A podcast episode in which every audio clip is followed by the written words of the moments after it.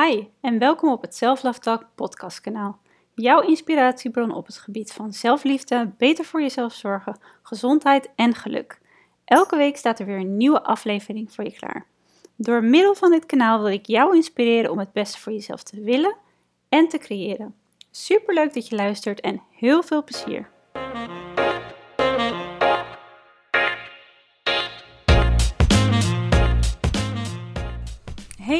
Welkom bij een nieuwe Self Love Talk podcast. Ik wilde bijna zeggen goedemorgen, maar wellicht luister jij dit wel in de middag of de avond. Dus gewoon welkom. Ik hoop in ieder geval dat je een hele fijne dag hebt en dat het ook goed met je gaat.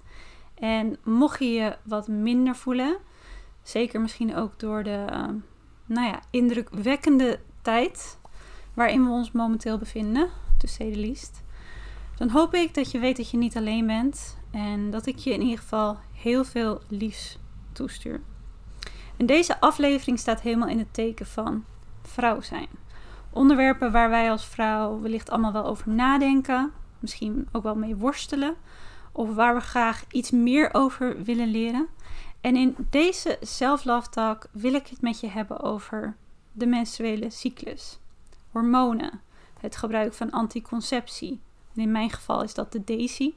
En beter voor jezelf zorgen. Dit alles zien als selfcare.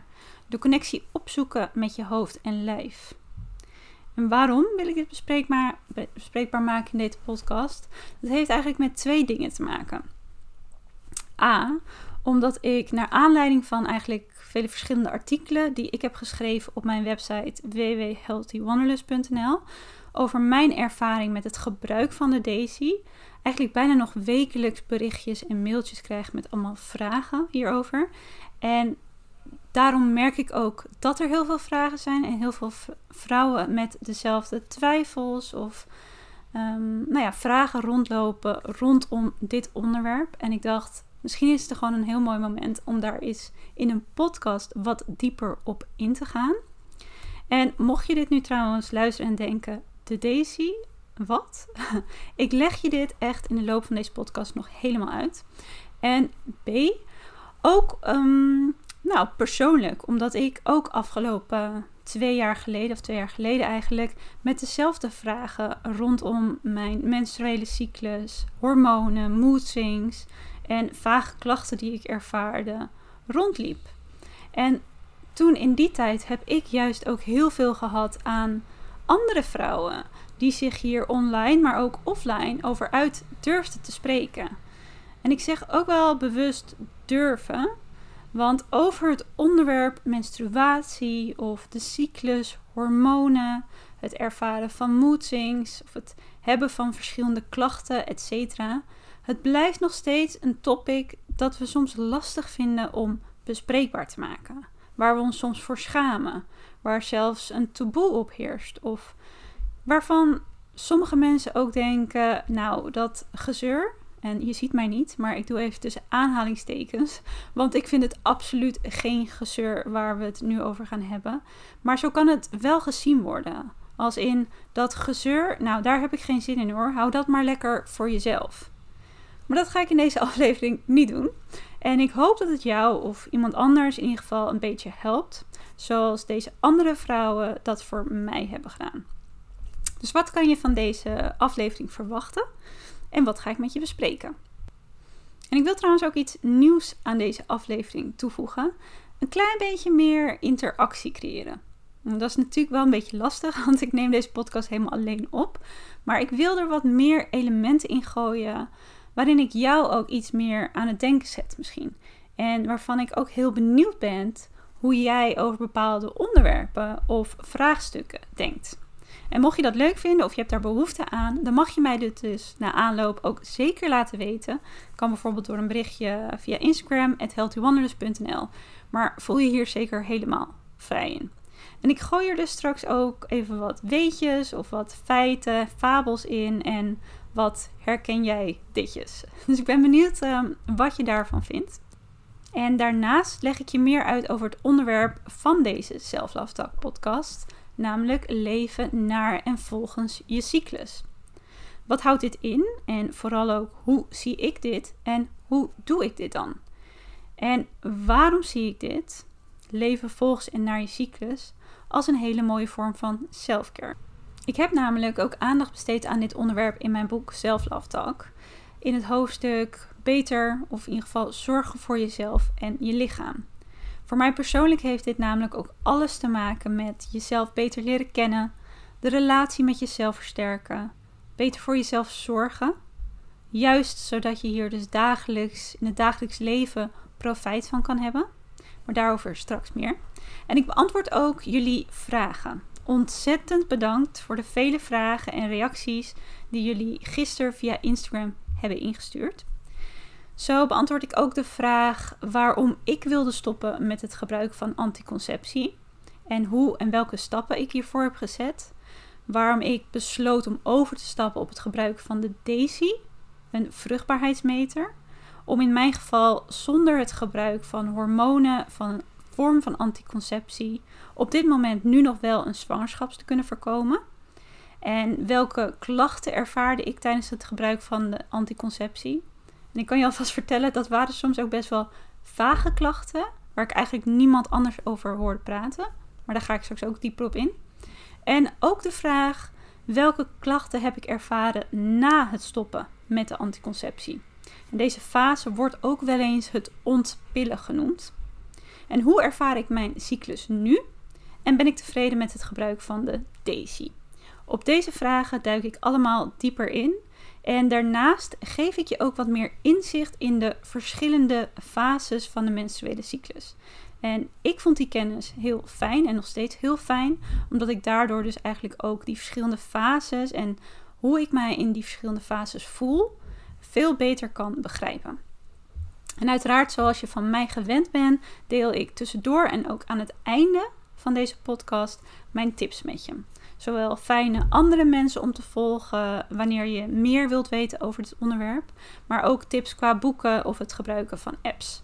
En ik deel ook een oefening hoe je hier zelf mee aan de slag kan gaan. Hoe je dus veel meer um, volgens en naar je cyclus kan leven.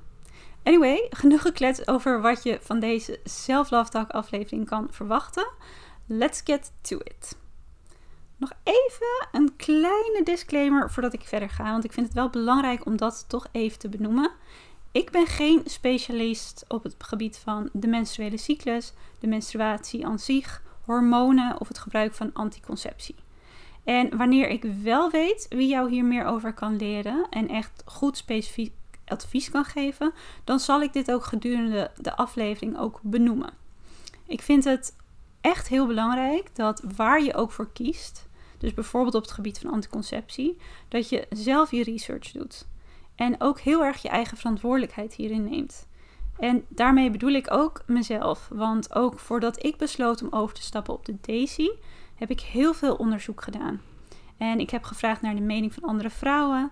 Ik heb zelfs een gesprek met mijn huisarts hierover gehad. En ook met de medewerkers van de Daisy in Nederland heb ik hierover gesproken. En daarnaast heb ik ook heel veel onderzoeken naar het gebruik van een vruchtbaarheidsmeter en de technologie hierachter gelezen. En in deze podcast hoop ik je vooral mijn ervaring mee te geven en vanuit deze plek vragen te beantwoorden, zodat dit jou hopelijk weer kan helpen. Net zoals dus de ervaringen van deze andere vrouwen mij destijds hebben geholpen. Dus twijfel je na het luisteren van deze podcast of tijdens deze podcast nog ergens over en wil je heel specifiek eigenlijk advies voor jouw klachten of de vragen die je hebt, schakel dan altijd de hulp in van iemand die hierin echt is gespecialiseerd. Dat gezegd hebbende, laten we eerst eens kort starten met een aantal feitjes en fabeltjes over de menstruatie cyclus, hormonen. En ik ben heel benieuwd of jij zowel de feitjes of juist de fabeltjes ertussenuit kan vissen. De eerste stelling is: wanneer je met andere vrouwen samenwoont of veel tijd samen doorbrengt, loopt de cyclus vaak aan elkaar gelijk. Is dat een feit of is dat een fabel? En ik ben hier dus even ingedoken. Want ik heb het zelf eigenlijk altijd best leuk gevonden om hier stiekem in te geloven. Weet je wel, zo van liever gedeelde leed dan in mijn eentje. Kunnen we mooi elke maand even samen spuien over hoe zwaar we het op dat moment hebben. Want laten we eerlijk zijn, dat is toch soms gewoon ook echt zo. Ik weet in ieder geval op de app tussen mij en mijn beste vriendin is dit elke maand een soort van vaste prik. En dat lucht gewoon op. Maar is het een feit? Nee, niet echt. Want er blijkt eigenlijk maar heel weinig wetenschappelijk bewijs te zijn dat deze verbondenheid, verbinding met andere vrouwen, er ook echt voor zorgt dat jullie cyclus eigenlijk gelijk aan elkaar gaat lopen. Maar goed, als jij er steun uit haalt, als jij het fijn vindt om gewoon te denken: laten we dit gezamenlijk doormaken, dat lucht op. Dat vind ik prettig. Dan zou ik zeggen: geloof wat je wil geloven in dit geval. De volgende stelling is: rondom je ijsprong voel je je als vrouw meer opgewonden en heb je dus ook meer zin in seks. Het is eigenlijk meer een herken je ditje. Maar er zit ook zeker een kern van waarheid in. Al kan dat natuurlijk per vrouw wel verschillen. Want vlak voor die ijsprong neemt het hormoon testosteron eigenlijk een sprint. En in deze fase is je libido gemiddeld gezien ook het hoogst. Wat door de natuur ook heel goed geregeld is, aangezien dit natuurlijk de fase van je cyclus is, waarin je als vrouw vruchtbaar bent.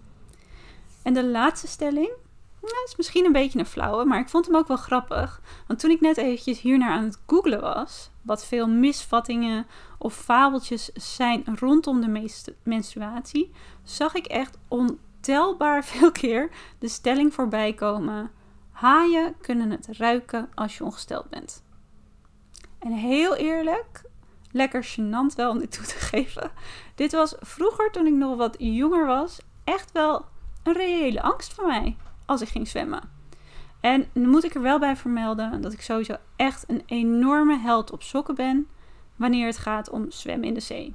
Überhaupt in open water. Ik word daar echt alles behalve gelukkig van. Net zoals mijn vriend er echt alles behalve gelukkig van wordt dat ik niet met hem op vakantie wil duiken. Maar weet je, die onderwaterwereld is prachtig, is magisch. En ik heb dit zelf ook gezien toen ik aan het reizen was in landen als Centraal-Amerika. En ik al mijn moed bij elkaar geraapt had en wel was gaan snorkelen. Maar helaas, ik ben verpest door alle documentaires die ik gezien heb. En daardoor weet ik ook dat het best wel een scary place is. Down there. Maar goed, terug naar die haaien. Wat denk jij? Feit? Fabel. Het blijkt dat de kans dat een haai doorheeft dat jij ongesteld bent, let alone zich aangetrokken voelt vanaf een afstand, heel, heel, heel klein is. De hoeveelheid bloed die jij verliest als je zwemt. En terwijl ik dit aan het lezen was, zijn er trouwens ook heel veel mensen die beweren dat het vloeien, dus daadwerkelijk het bloeden tijdens de ongesteldheid, als je zwemt of in het water bent, tijdelijk stopt. Wat daar precies van waar is, dat durf ik niet te zeggen, daar ben ik niet helemaal op ingedoken. Maar het blijkt dus dat je dusdanig weinig bloed verliest dat die haai bij wijze van echt naast je moet zwemmen om dit te kunnen ruiken. Nou, geen idee of dit een geruststellende gedachte is, maar ik dacht hé, hey, ik gooi hem er toch gewoon even in. Terug naar waar deze podcast echt over gaat. Leven naar en volgens je cyclus. Wat betekent dit nou eigenlijk? Hoe doe je dat? En wat betekent dit ook voor mij persoonlijk? Leven naar je cyclus. Voor mij persoonlijk betekent dit dat je veel meer inzicht hebt in het verloop van je menstruele cyclus. En wat je hier in verschillende fases van je cyclus, zowel lichamelijk als emotioneel, van merkt. En hierbij bedoel ik dus wat je letterlijk aan en in je lichaam voelt. En wat je hier bijvoorbeeld aan merkt in je gemoedstoestand, je libido, je energielevel of bijvoorbeeld je concentratievermogen. En voor mij begon ja, de research hiernaar en mijn interesse op dit gebied eigenlijk drie jaar geleden. En op dat moment maakte ik nog gebruik van de Mirena-spiraal als anticonceptievorm.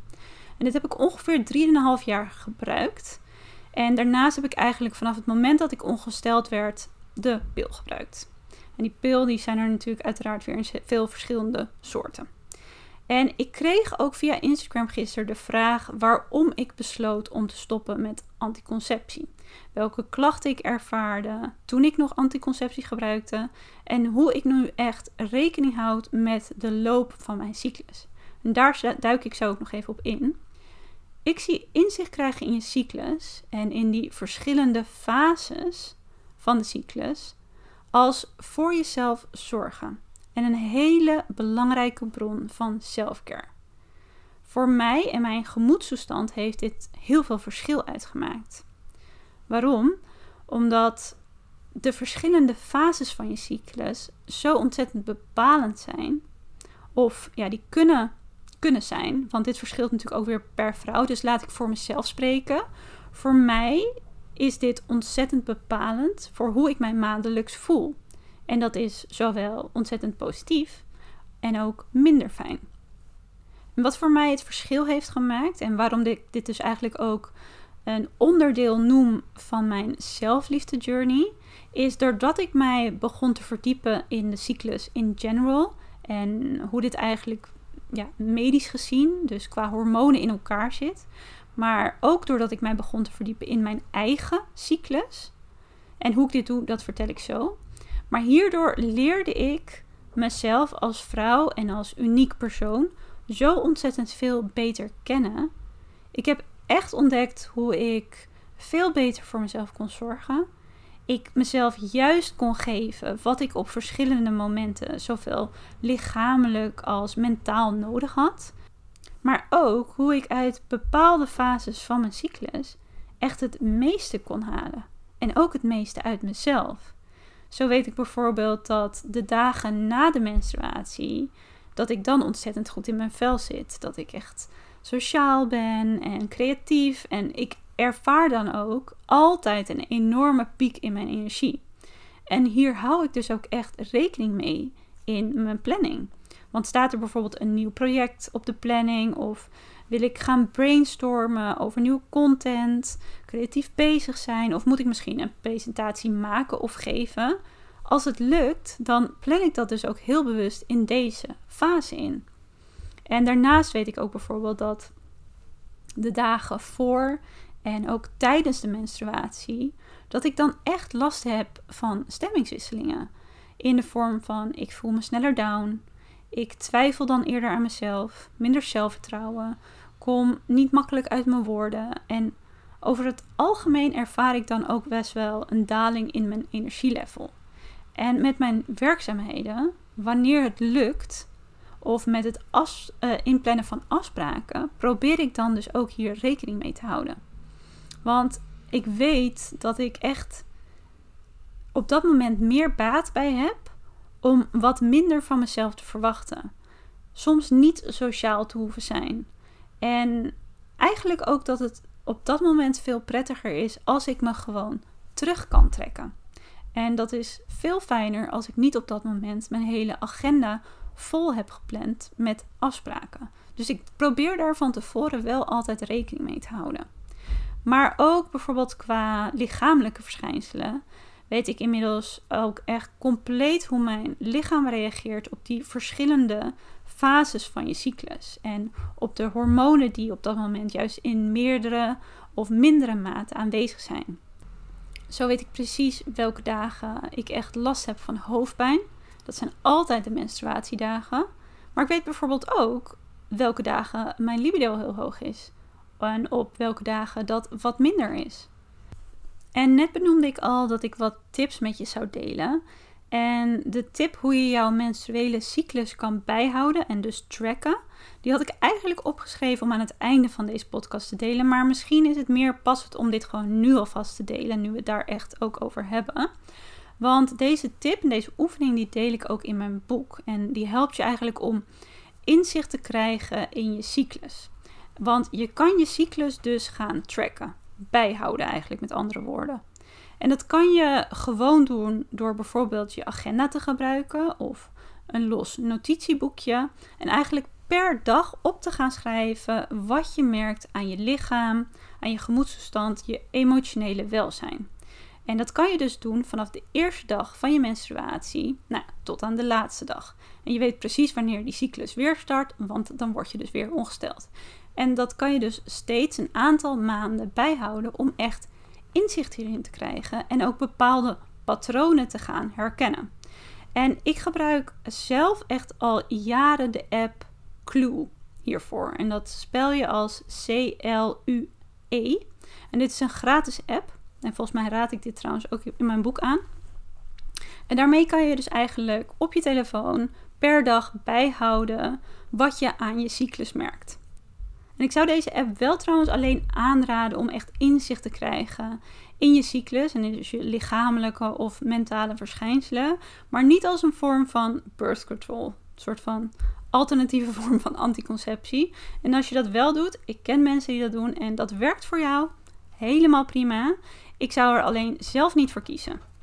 En zoals ik net al zei, heb ik ook in mijn boek Self Love Talk hierover geschreven, over de menstruele cyclus, in het kader van zorgen voor jezelf. En ik lees je hier graag even een stukje uit voor. Selfcare en de menstruele cyclus. De menstruele cyclus is een onderwerp dat steeds meer aandacht krijgt en waar we ook steeds meer over kunnen leren. We zijn vooral bekend met het meest zichtbare deel van de cyclus, de menstruatie. Die ervaren we over het algemeen onprettig, onhandig en soms zelfs als onhygiënisch. Toch is de menstruele cyclus zoveel meer dan die paar specifieke dagen. De cyclus bestaat uit vier verschillende fases. En tijdens elke fase zijn er verschillende hormonen aanwezig in je lichaam, die effect hebben op hoe jij je voelt. De mate waarin deze hormonen een rol spelen, dat verschilt per fase. Elke vrouw beleeft de menstruele cyclus op haar eigen manier en dat maakt de cyclus ook zo uniek. En alhoewel we leren dat de menstruele cyclus en ongesteld worden er gewoon bij hoort, kan het wel helpen om hier af en toe bewust bij stil te staan. Meer leren over je eigen unieke menstruele cyclus is bijzonder waardevol en het kan je veel inzicht geven in je lichaam en jezelf. Deze kennis kan jij effectief gebruiken om beter voor jezelf te zorgen en lekkerder in je vel te zitten. En in ditzelfde hoofdstuk heb ik ook die verschillende fases, die vier fases, visueel vormgegeven. Om je eigenlijk een beter beeld te geven van hoe dit precies verloopt elke maand. En ga ik ook wat uitgebreider in op wat er per fase eigenlijk gebeurt in je lichaam, welke hormonen een rol spelen, wat de functie hiervan is en wat je er dus ook lichamelijk en op emotioneel vlak van kan merken. En in het kort bestaat de cyclus dus uit vier verschillende fases: de menstruatiefase, de folliculaire fase, de ovulatiefase en deze vind ik altijd heel moeilijk om uit te spreken, luteale fase. Correct me if I'm wrong. En je cyclus, de menstruele cyclus, begint bij de menstruatiefase. Dus de eerste dag van je menstruele cyclus is de eerste dag waarop je ongesteld bent. En ik heb, um, of ik weet dat hier trouwens ook wel eens op een andere manier naar gekeken wordt. Dan wordt eigenlijk de eerste dag van de menstruele cyclus aangeduid met de eerste dag na je menstruatie. Maar voor zover wat ik meestal heb gelezen ehm, en in de apps die ik gebruik, wordt eigenlijk de eerste aanpak gehanteerd. Dus de eerste dag van je menstruele cyclus is de eerste dag waarop je ongesteld bent. En door dus meer inzicht te krijgen in hoe jij de verschillende fases van je cyclus ervaart, kan je veel beter voor jezelf zorgen. En je kan veel beter de juiste selfcare heel gericht gaan toepassen. Je kan jezelf ook beter leren kennen daardoor. En ook herkennen en soms ook wel echt relativeren waarom je op een bepaald moment voelt zoals je je voelt. Want ik weet nog van mezelf, en dat was dus vooral in die fase ehm, voordat ik de Mirena liet weghalen. En waarin ik dus echt research aan het zoeken op zoek was naar een alternatief. Een alternatieve optie qua uh, anticonceptie. Dat ik best wel heel streng voor mezelf kon zijn. Zeker wanneer ik dus down was, maar voor mijn gevoel zonder reden. Zonder dat hier een aanleiding voor was. Nu weet ik dat dat dus ook heel erg te maken heeft met de hormoonwisselingen in je lichaam van je cyclus. Maar ik was best wel iemand die daar zo geïrriteerd van kon worden. En ook wel hard in kon zijn dat ik mezelf eigenlijk ook op die dagen pushte om gewoon door die dag heen te knallen. En nu heb ik echt geleerd dat ik juist van een veel liefdevollere aanpak met mezelf, veel liefdevollere behandeling, dat ik daar veel meer profijt van heb. En dat is ook waarom leven naar mijn cyclus daarnaast heel belangrijk voor mij is. Dat is omdat dit ook bijdraagt aan het versterken van die ontzettend waardevolle connectie tussen mijn lijf en mijn hoofd. En dus niet enkel vanuit mijn hoofd leven en eigenlijk de signalen van mijn lijf compleet negeren of dit niet serieus nemen, waar we allemaal volgens mij best een handje soms van hebben. Zeker in tijden waarin het gewoon druk is of wanneer we niet anders weten. Maar juist er dus voor zorgen dat dit, deze connectie eigenlijk op een hele harmonieuze wijze kon gaan samenwerken. In plaats van dat dit eigenlijk continu tegen elkaar botste. En in mijn boek en trouwens ook in mijn 12-weekse online coachingsprogramma schrijf ik ook niet voor niks dat je lichaam je meest waardevolle kompas in het leven is en kan zijn. Het weet vaak precies waar je behoefte aan hebt. En als je hiervoor open staat en hiernaar kan luisteren, leert om hiernaar te luisteren, dan kan je ontzettend veel over jezelf en over wat jij nodig hebt leren. En uiteindelijk zorgt dat er ook voor dat je lekkerder in je vel zit. Laten we even teruggaan naar de vraag waarom ik wilde stoppen met het gebruiken van anticonceptie. Want die vraag is best wel vaak gesteld gisteren. En dat had dus deels te maken met dat ik eigenlijk wel wilde weten hoeveel impact de hormonen van de anticonceptie had op mijn persoon. Op mij als persoon, op mijn gemoedstoestand. En daarnaast voelde het ook eigenlijk steeds minder goed en prettig. En dit heb ik ook best wel vaak van andere vrouwen gehoord.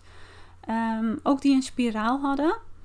Dat het voor mij voelde het gewoon niet meer goed dat er iets in mijn lichaam zat wat daar niet hoorde. Voor mijn gevoel. Hè? Dat was dus de Mirena-spiraal. En ook niet dat, er, dat daar hormonen van afkwamen. Die, ik ook, die ook niet van nature op die manier door mijn lichaam aangemaakt zouden worden. En nu zijn er trouwens wel heel veel verschillende berichten over dat de hormonen van specifiek de Mirena-spiraal eigenlijk plaatselijk zouden worden afgegeven. En dat je daar verder, dus bijvoorbeeld uh, met je gemoedstoestand, niet veel van zou moeten merken. Maar ook daar verschijnen steeds meer onderzoeken over die daar eigenlijk heel kritisch over zijn. Of zelfs geheel het tegendeel bewijzen.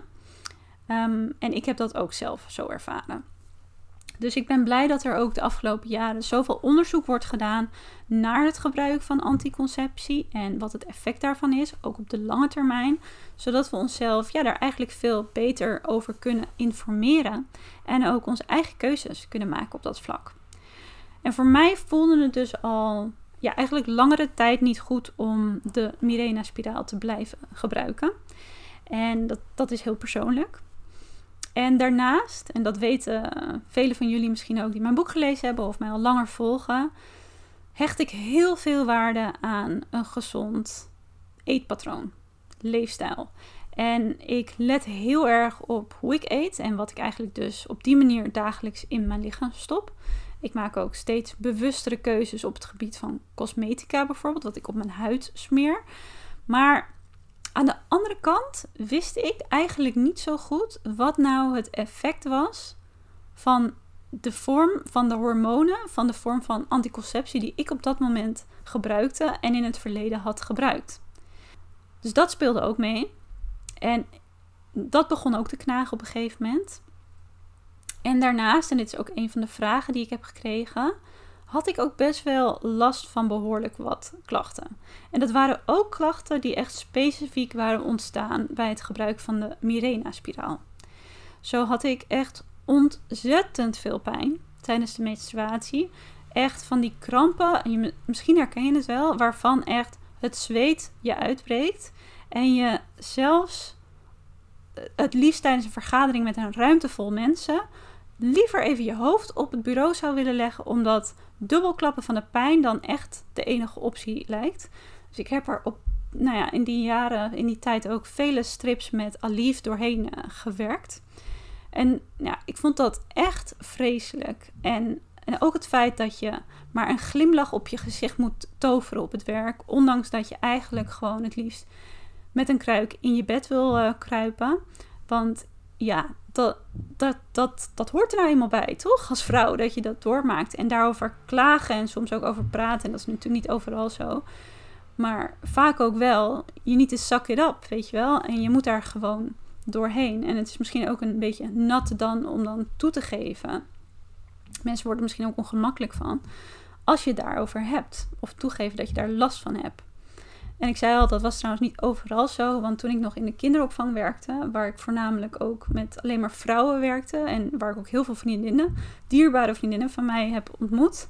Daar was het gewoon helemaal oké. En het was ook heel fijn. Want dan kon je gewoon, als het weer zover was en je had ergens last van, kon je gewoon al. Ik had ook echt collega's die gewoon s morgens vroeg al zeiden: hey, ja, het is weer zover, dan weet je dat. Ehm, ik hou er rekening mee, hou jij rekening met mij. En dan was dat gewoon van, I got you. En helemaal prima. Kon je lekker spuien over wat je dwars had. En het lucht gewoon op. Het is gewoon fijn als dat ook wel bespreekbaar is aan de ene kant. Anyway, daarnaast had ik ook andere buikklachten. In de zin van, ik had bijna altijd een opgezette buik. Ehm, wat ook wel pijnlijk was, waar ik echt wel last van had. En ik weet ook van mezelf, ik heb hele gevoelige darmen. En die reageren ook op bepaalde dingen die ik eet. En dat is ook de reden waarom ik geen zuivel meer eet. Ook omdat ik trouwens niet achter de zuivelindustrie sta, maar dat is een ander verhaal. Ik geen normale aardappels eet, geen witte pasta, et cetera. Want mijn lichaam reageert daar niet goed op en ik weet dat. En dat is ook helemaal prima.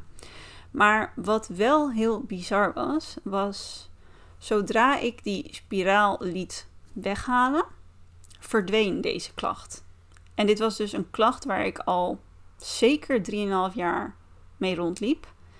En mijn buik werd ongeveer 10 keer zo rustig. En daarmee werd ook op dat moment mijn eigen vermoeden, mijn, eigenlijk mijn voorgevoel. En een van de redenen waarom ik dus uiteindelijk de Mirene liet verwijderen.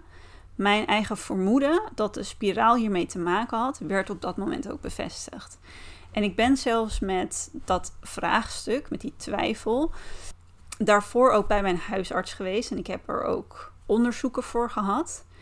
En ik had op dat moment echt een onwijs super fijne huisarts die heel erg meedacht en heel, heel veel kennis had. Maar ook zij kon eigenlijk niet vertellen of er een link was tussen de spiraal en mijn opgezette buik- en buikklachten op dat moment. Want het zat allemaal goed daarbinnen, dus het leek eigenlijk onwaarschijnlijk. En voor mij was het dus ook wel bizar, maar ook een opluchting. En aan de andere kant ook wel weer heftig om te merken dat mijn lichaam dus eigenlijk al die tijd best wel heftig had gereageerd op die spiraal. Maar goed, wel fijn om te merken dat uiteindelijk door het zetten van die stap die klachten bij mij verdwenen. En misschien is het een klacht die een van jullie herkent. Of misschien is het iets wat ik heel specifiek zo heb ervaren. Want van vriendinnen met dezelfde vorm van anticonceptie heb ik het nog niet eerder gehoord. En daarnaast, ja, nou ja, weet je, als ik nu toch, als ik nu toch bezig ben, dan kan ik maar beter gewoon lekker eerlijk zijn. Ehm, de dagen voor de ongesteldheid, toen ik dus nog anticonceptie gebruikte, ik veranderde echt. Nou, ik kan het niet op een lievere manier zeggen. Ik veranderde echt in een heks. Ik kon zo ontzettend kwaad en kattig zijn. En dat voelde ik eigenlijk al op het moment dat ik wakker werd. En dan dacht ik: oh, oh, ja, het is weer zover. En natuurlijk kon ik dat op werk, et cetera, best goed verbloemen. Want ja, opeens in een soort tirade uitbarsten, omdat alleen al de aanwezigheid van een collega op dat moment mij irriteerde was natuurlijk een beetje natte dan. En daarnaast ook helemaal niet eerlijk of hoe ik met andere mensen om wil gaan. Absoluut niet. Maar ik zat voornamelijk mezelf op die dagen zo ontzettend dwars. En nou ja, ook voor mijn vriend was het, nou wat zal ik zeggen? het beste als hij zich gewoon veilig opstelde. En hij, hij wist dat gelukkig van mij. En ik, en ik, ik praat ook heel makkelijk en kan ook heel open praten over wat ik voel. En heel eerlijk vond hij het eigenlijk voor mij heel vervelend dat ik er zo'n last van had. Want hij merkte echt aan mij dat ik absoluut in die dagen niet lekker in mijn vel zat. En dat kon ook echt opeens omslaan. En nou ja, hier kan ik ook nog heel veel verhalen over vertellen. En ik, ik denk, want ik hoor dit ook van heel veel andere vrouwen, van heel veel vriendinnen, dat sommige van jullie dit wel zullen herkennen. En het is ook zo lief. Mijn beste vriendinnetje, die stuurt mij ook heel vaak tijdens onze, ah, het is weer zover, maandelijkse gesprekken, een soort van met koeienletters over de app. Uh, blame it on the hormones, you can do it. Het is toch fijn die uh, steun die we van elkaar krijgen daarin. Maar dat is dus eigenlijk, nou dat is onder andere de redenen dat ik wilde stoppen met anticonceptie. Dat het dus niet goed voelde van binnenuit om dus zoiets in je lichaam te hebben. In combinatie met zo gezond mogelijk proberen te leven. En ook de klachten die ik ervaarde. En daarom besloot ik dus ook na 3,5 jaar gebruik van de Mirena-spiraal helemaal te stoppen met anticonceptie. En op dat moment ben ik dus ook overgestapt op de Daisy. En dat is een zogenoemde vruchtbaarheidsmeter. Maar het is wel even goed om te benoemen dat het voordat ik deze stap dus daadwerkelijk durfde te zetten, er nog wel echt een behoorlijke tijd aan vooraf ging. Van twijfelen, opties bekijken, inlezen. Ehm, voordat ik dus ook echt durfde om over te stappen op de Daisy. Want ik heb ook een aantal keer gisteren de vraag gekregen van... Vind je het niet spannend om de Daisy te gebruiken en hierop te vertrouwen? Ook omdat sommige van jullie willen overstappen en dit spannend vinden. En daarop is mijn antwoord nee. Niet meer. Ja, dat vond ik wel. En daar kom ik zo ook nog eventjes op terug. En nu ik net deze klachten van mezelf opschreef, ben ik ook heel even die zoekmachine weer ingedoken. Wat de meest voorkomende klachten nou zijn rondom de menstruele cyclus. En waar voornamelijk over geschreven wordt, zijn de klachten tijdens de menstruatiefase. En in het kader van herken je ditjes, ben ik dus wel benieuwd of jij je hierin herkent. Zo geven heel veel vrouwen aan last te hebben van een opgeblazen gevoel, vermoeidheid, hoofdpijn, misselijkheid, zelfs het gevoel van moeten braken. Voor hun gevoel ook heel afwezig zijn. En ook zeker voorafgaande aan de menstruatie veel sneller geïrriteerd of verdrietig te zijn. En ook werden er klachten zoals pijnlijke borsten, rugpijn en diarree genoemd. Dus ik ben benieuwd of jij hierin herkent of dat je zegt, nou, ik kan nog wel een paar andere opnoemen die niet in dit rijtje staan. Laten we nog even teruggaan op dat overstappen op de Daisy. Want mocht je dit nu luisteren en je denken, je hebt het steeds over iets dat de Daisy heet. Wat is dat nou precies en hoe werkt dit? Een kleine introductie. En good to know, dit is absoluut geen reclame voor de Daisy. Absoluut niet. Ik word er niet voor betaald gesponsord of iets dergelijks. Want anders zou ik dat natuurlijk vermelden. En ik ben ook niet iemand die een ander wil vertellen welke keuzes je het beste kan maken. Ook niet op het gebied van anticonceptie. Volg daarin vooral je gevoel. Want ik denk dat je dan de juiste keuze voor jezelf maakt. Dat heb ik namelijk destijds ook gedaan. Terwijl er eigenlijk meer mensen waren die het mij afraden om deze stap te zetten dan mensen die zeiden: Oh, dat is echt een goed idee. En ik ben nog steeds heel blij dat ik daarin mijn gevoel heb gevolgd. En om je echt iets meer uit te leggen over wat de Daisy nou precies is, um, lees ik heel veel een stukje voor van de website van Daisy Nederland. Want daarin wordt het uitgelegd en dat is gewoon veel beter dan dat ik dat in mijn eigen woorden doe. En daarnaast, dat is wel leuk om te benoemen, dat zag ik namelijk net, en het is denk ik nieuw, dat ze nu ook op de website een soort gratis masterclass aanbieden om over te stappen op de Daisy. Juist volgens mij met de reden omdat dus heel veel vrouwen dit spannend vinden en hier ook meer over willen leren. En dit heb ik destijds, toen ik ging overstappen, nooit gedaan. Volgens mij was het er ook niet. Maar ik dacht, nou ja, dat viel me op. Misschien leuk om in deze podcast ook even te vermelden. En op de website van Daisy Nederland schrijft ze eigenlijk het volgende. Het berekenen van de ovulatie is geen eenvoudige taak. Om accuraat te zijn heb je betrouwbare gegevens nodig. Daisy maakt het eenvoudig om te weten wanneer je evolueert door je basale lichaamstemperatuur te meten. Deze gegevens te volgen en te berekenen wanneer je ovuleert. Daisy geeft je vruchtbare fase nauwkeurig en veilig aan. En je hoeft hier niet veel werk voor te doen. Gebruik Daisy in de ochtend om je basale lichaamstemperatuur te meten. Dat doe je onder je tong. En bevestig vervolgens wanneer je menstrueert. Dit is een soort extra check, dubbel check. En je geeft ook dus op de Daisy aan wanneer je menstrueert. De Daisy berekent automatisch alles voor je. De compacte ovulatietrekker dat is eigenlijk gewoon dat metertje dat je hebt, de Daisy zelf, is gemakkelijk te gebruiken en snel. Maar wat nog gemakkelijk, of wat nog belangrijker is, sorry, Daisy is nauwkeurig. Daisy bewaart de historie van je menstruatiecyclus, zodat je altijd in beeld hebt wat er in je lichaam gebeurt. Daisy biedt een zeer nauwkeurige en precieze ovulatieberekening. Nou ja, en over hoe, waarom dit zo nauwkeurig is, daar kan je ook op de website echt terecht, want daar staan heel veel wetenschappelijke onderzoeken over de techniek achter de Daisy. Die trouwens in andere landen al veel langer en veel meer bekend is dan wij in Nederland in ieder geval kennen. Of in ieder geval, of in ieder geval dat is mijn ervaring ermee. Want ook toen ik bijvoorbeeld bij mijn huisarts daarover ging vragen destijds toen ik begon, dat was dus ruim anderhalf jaar geleden, was er nog helemaal niet zoveel over bekend. En de Daisy is dus een meter waarmee je dus in de ochtend je lichaamstemperatuur meet onder je tong. En aan de hand hiervan berekent de, de Daisy dus je cyclus. En toont aan wanneer je wel of niet vruchtbaar bent. Ik heb dit even opgeschreven, dus ik lees het even voor, want ik wil hier geen foute informatie geven. Maar dit is wederom gebaseerd op mijn eigen ervaring. En wanneer dit dus berekent wanneer je wel of niet vruchtbaar bent, wordt er ook rekening gehouden met de dagen rondom je ijsprong, waarbij er dus een kans is dat je dan ook vruchtbaar kan zijn. En in welke fase je begint, of dat je vruchtbaar bent of niet vruchtbaar bent, dat zie je eigenlijk aan de kleur van het lampje dat, wordt, dat aangegeven staat op het apparaatje, op de Daisy zelf. En je hebt ook een Daisy-app, dat heb je op je telefoon. En die kan je eigenlijk synchroniseren met Bluetooth, in ieder geval dat kan die van mij die synchroniseer je en dan worden die gegevens ook naar die app gekoppeld. En dan zie je eigenlijk je hele cyclus in beeld. Met ook je temperatuur erbij en dan zie je precies wanneer je ijsprong is, et cetera.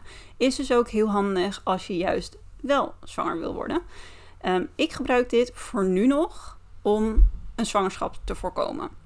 En hoe dat precies werkt en wat die kleuren precies inhouden, dat wordt ook heel mooi visueel eigenlijk weergegeven op de website van Daisy Nederland. En ik zal even een link naar die pagina in de beschrijving zetten. Dan kan je daar ook uh, ja, zelf even naar kijken. En zoals ik net al zei, kan je dus ook op die website, want dat heb ik destijds ook gedaan. Ik heb echt al die artikelen doorgespit en ook contact gehad met Daisy Nederland zelf over wat nou het wetenschappelijke bewijs is achter de technologie van zo'n vruchtbaarheidsmeter. Want je hebt de Daisy, maar je hebt bijvoorbeeld ook de Ladycomp.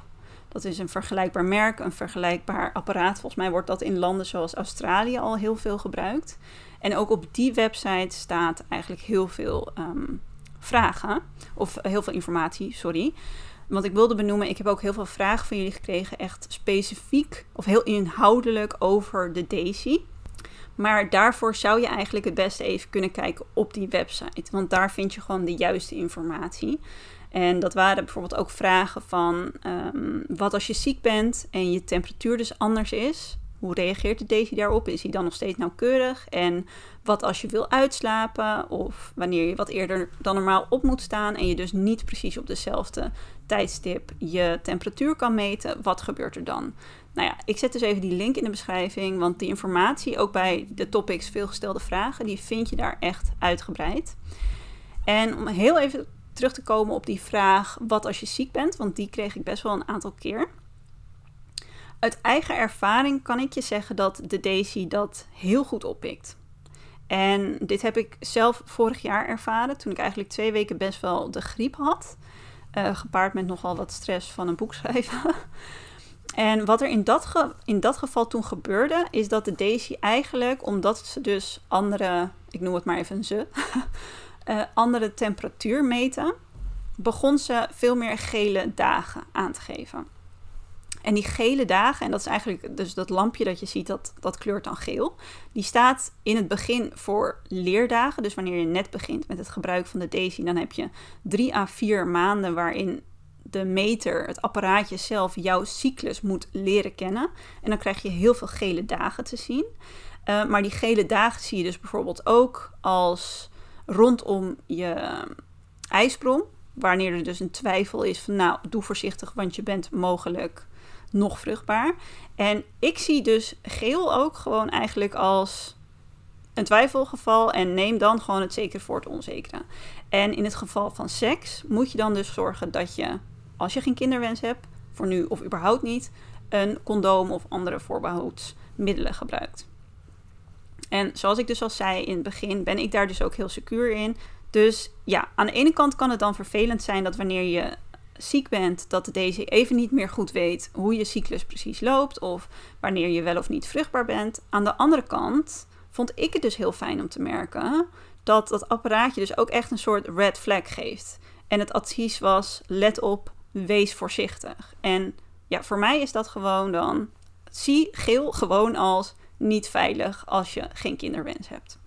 En nou toen ik eenmaal weer beter was, toen heeft eigenlijk die Daisy, de Daisy dat heel snel weer hersteld. En kreeg ik eigenlijk gewoon vrij snel ook weer groene dagen te zien. En groene, dat groene lichtje staat voor, dat zie je dus ook op de website voor, niet vruchtbare dagen. En de gebruikelijke rode dagen, dus dat rode lampje um, rondom mijn ijsprong te zien. Wat dus aantoont dat je vruchtbaar bent. En ik kreeg ook een aantal keer de vraag van hoe lang duurt het voordat de Daisy je cyclus kent? Ik hoop die vraag ook bij deze dus beantwoord te hebben. Dat duurt bij mij in ieder geval ongeveer 3 à 4 maanden. En volgens mij is dat ook gebruikelijk. Dus ja, als je net met de Daisy begint, dan moet je daar wel eventjes doorheen. En om ook nog eventjes dus kort de vraag te beantwoorden, vind je het dus niet spannend om de Daisy te gebruiken en te vertrouwen?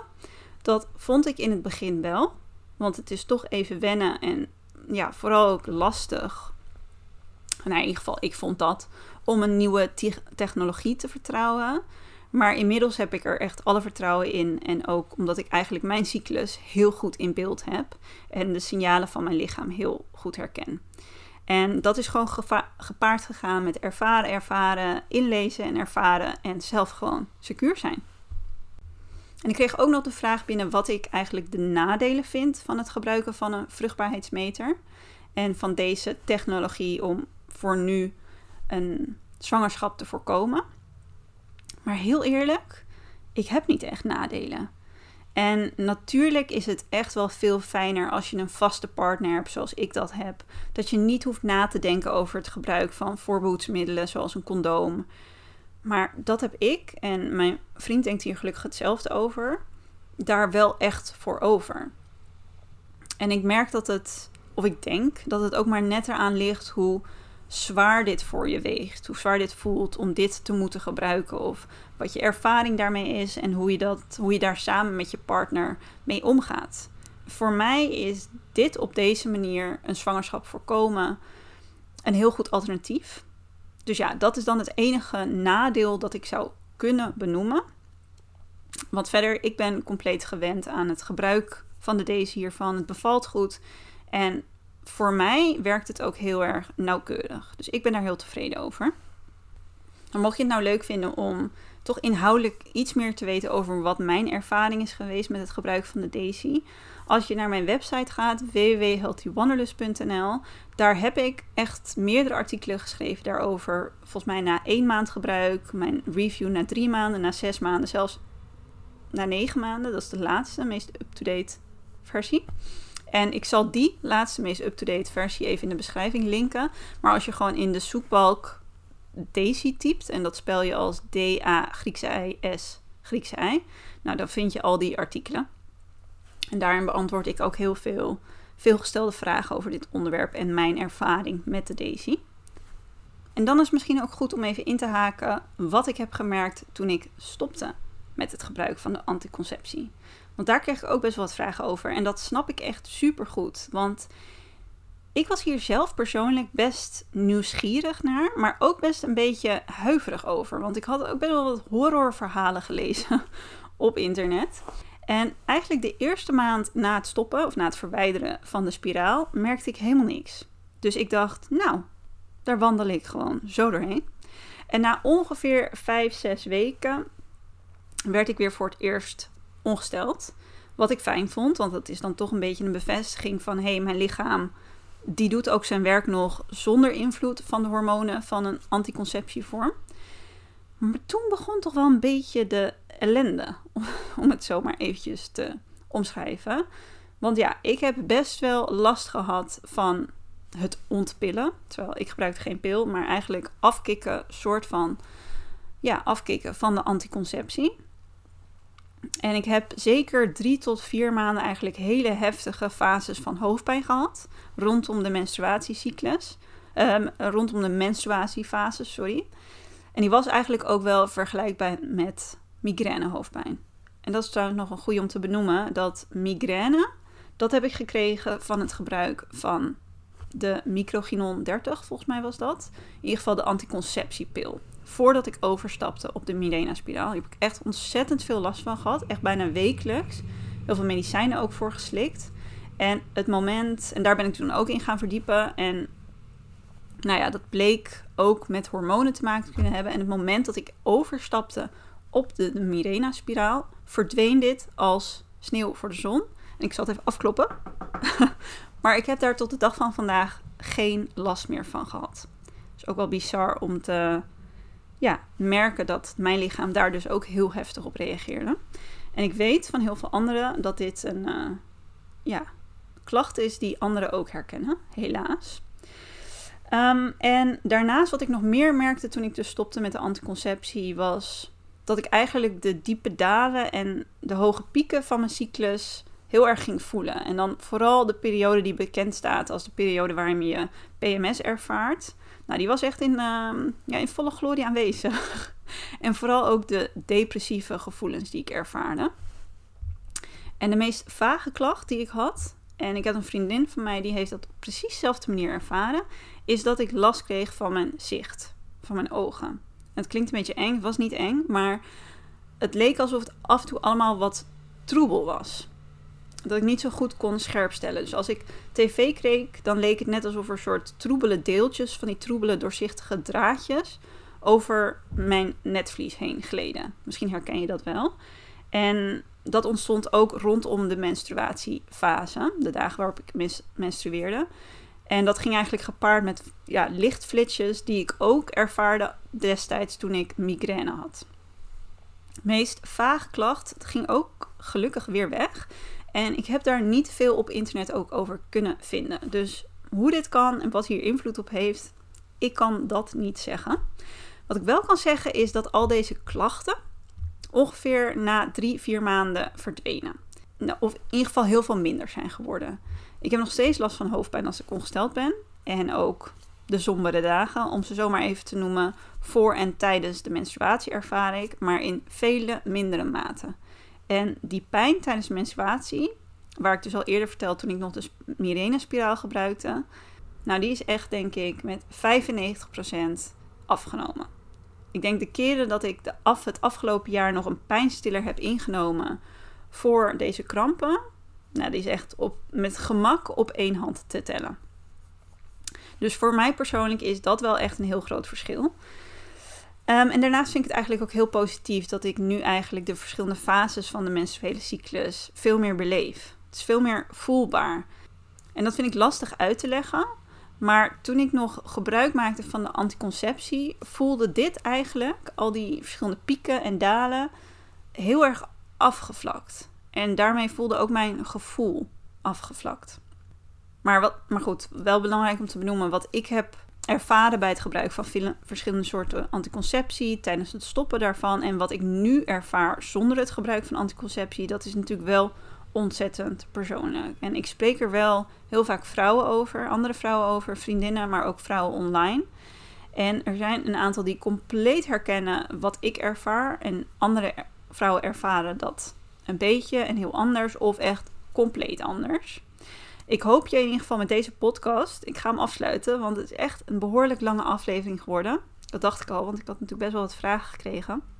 Ik, heb je, ik hoop in ieder geval dat, ik, dat het heeft geholpen. Dat ik mijn ervaring hierover deel. En ook dat ik dit onderwerp gewoon bespreekbaar maak. Want het is echt zonde en in sommige gevallen ook gewoon ontzettend verdrietig. Dat er nog zoveel taboe heerst op praten over onderwerpen zoals de menstruele cyclus of over de menstruatie, maar ook over vruchtbaarheid of seksualiteit. Want juist als we dit bespreekbaar maken, en ik snap dat dat echt in sommige gevallen helemaal niet zo makkelijk is als dat ik dat nu zeg, maar juist wanneer het lukt om dat bespreekbaar met elkaar te maken, dan kunnen we zo ontzettend veel van elkaar leren. Maar het zorgt er ook voor dat we ons veel minder alleen voelen in wat we voelen, in wat we denken en wat we ervaren. Nog even voordat ik hem afsluit, de tips die ik aan je mee wil geven op een rijtje. Ehm, doe dus vooral altijd je eigen research. Wees secuur. En alle linkjes en de bronnen waarin ik het, waar ik het in deze aflevering over heb, die zet ik even in de beschrijving. Zo ook de link naar de Instagram pagina en de website van Jip Isabel. Jip is ook hormooncoach. Dus mocht je echt specifieke klachten hierover hebben of vragen, dan kan zij jou ook zeker advies en begeleiding geven. En je vindt haar onder andere op Instagram Jip Isabel. En hier deelt zij ook persoonlijke ervaringen en tips, gewoon überhaupt op het gebied van vrouw zijn. En ik weet dat op haar website, neem aan dat dat er nog steeds staat. Zij heeft ook een heel mooi e-book en een werkboek uitgebracht. Waar je nog veel meer leert over dit onderwerp en ook je eigen cyclus. Dus absoluut, een aanrader. Want ik ken Jip nu al een tijdje en zij heeft ontzettend veel passie om andere vrouwen op dit gebied te helpen. En daarnaast is Patricia Dijkema, Dijkema sorry, Patricia Dijkema eigenlijk een soort van spokesperson van Daisy in Nederland. Daisy is dus ook in heel veel andere landen te vinden. Ja, je kan dus ook met Daisy zelf gewoon via de website contactformulier opzoeken om je vragen te stellen. En met beide van deze vrouwen staat er ook een Self Love Talk podcast online. Dus als je even door de verschillende podcasts bladert, dan vind je die vanzelf. En daarnaast heb ik ook een boek dat ik je kan aanraden. Of in ieder geval niet die ik je eigenlijk kan aanraden, want die staat ook nog steeds op mijn lijstje. Maar die wel heel vaak aangeraden wordt. En dat is het boek Period Power.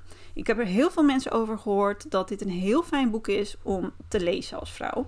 Dus ik ga hem ook nog lezen. Ik dacht misschien leuk als tip voor jou. En mocht je dus ook graag een app willen gebruiken om je cyclus te tracken of aan bij te gaan houden om hier inzicht in te krijgen. Er zijn er best veel. Maar ik heb dus hele goede ervaringen met de app Clue. En die is dus ook gewoon gratis te downloaden. Anyway, ik zie dat ik ongeveer nu het uur aantik.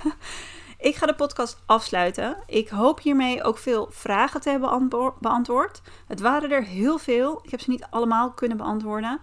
Ehm, neem dus ook vooral een kijkje op mijn website www.healthywanderlust.nl voor alle vragen en artikelen rondom het gebruiken van de Daisy. En mail of kijk op de website van Daisy Nederland zelf als je hier nog echt specifiek vragen over hebt. Mocht je nou na aanleiding van het luisteren van deze Self podcast toch nog een vraag aan mij hebben of je wil gewoon graag iets met mij delen, dat kan dan via Instagram at of via de mail info.healthywanderlust.nl. Zo weten ook steeds meer van jullie mij te vinden. En ik vind het ook echt altijd heel leuk om van jou te horen. So don't hold back als je iets op je hart hebt of nog iets wil vragen. En in mijn eigen boek Self Love vind je hier dus ook nog wat meer informatie over. Oh ja, en voordat ik het vergeet, over iets minder dan een maand lanceer ik het 12 weken online coachingsprogramma Leven uit innerlijke rust, vertrouwen en kracht, je meest liefdevolle leven. Dus mocht je het leuk vinden om daar nog wat meer informatie over te ontvangen, um, of wil je op de lijst staan die als eerste en de beste korting gaat ontvangen, schrijf je dan even vrijblijvend in via de link in mijn beschrijving. Dat was het. Ik ga even op adem komen van al het kletsen. Ehm, ik merk dat helemaal mijn stem gewoon een beetje weg aan het gaan is. Nogmaals, ik hoop dat deze aflevering heeft mogen bijdragen aan eventuele vragen of twijfels die je had. Of nou ja, misschien dat het je gewoon iets meer kennis heeft gegeven wanneer je gewoon iets meer wilde leren over dit onderwerp. Ik wens je een hele mooie dag toe. Ik wens je ook heel veel liefs toe. Want we leven momenteel in zo'n gekke tijd waarin er zo ontzettend veel gebeurt, waarin we volgens mij ook zoveel voelen. In de wereld vechten we grote battles, maar ook intern op persoonlijk level speelt er veel bij veel mensen. Dus ik denk dat we nou ja, aan liefde op dit moment niet genoeg kunnen hebben. Dus die stuur ik met heel veel liefde jouw kant ook op, zodat je dat aan jezelf kan geven of weer een andere kan doorgeven. Heel veel liefs. Ik hoop je te, terug te zien bij de volgende Self Love Talk podcast. Er staat elk weekend een nieuwe aflevering online. En ik hoop je dan weer terug te zien. Hele fijne dag nog. Doeg!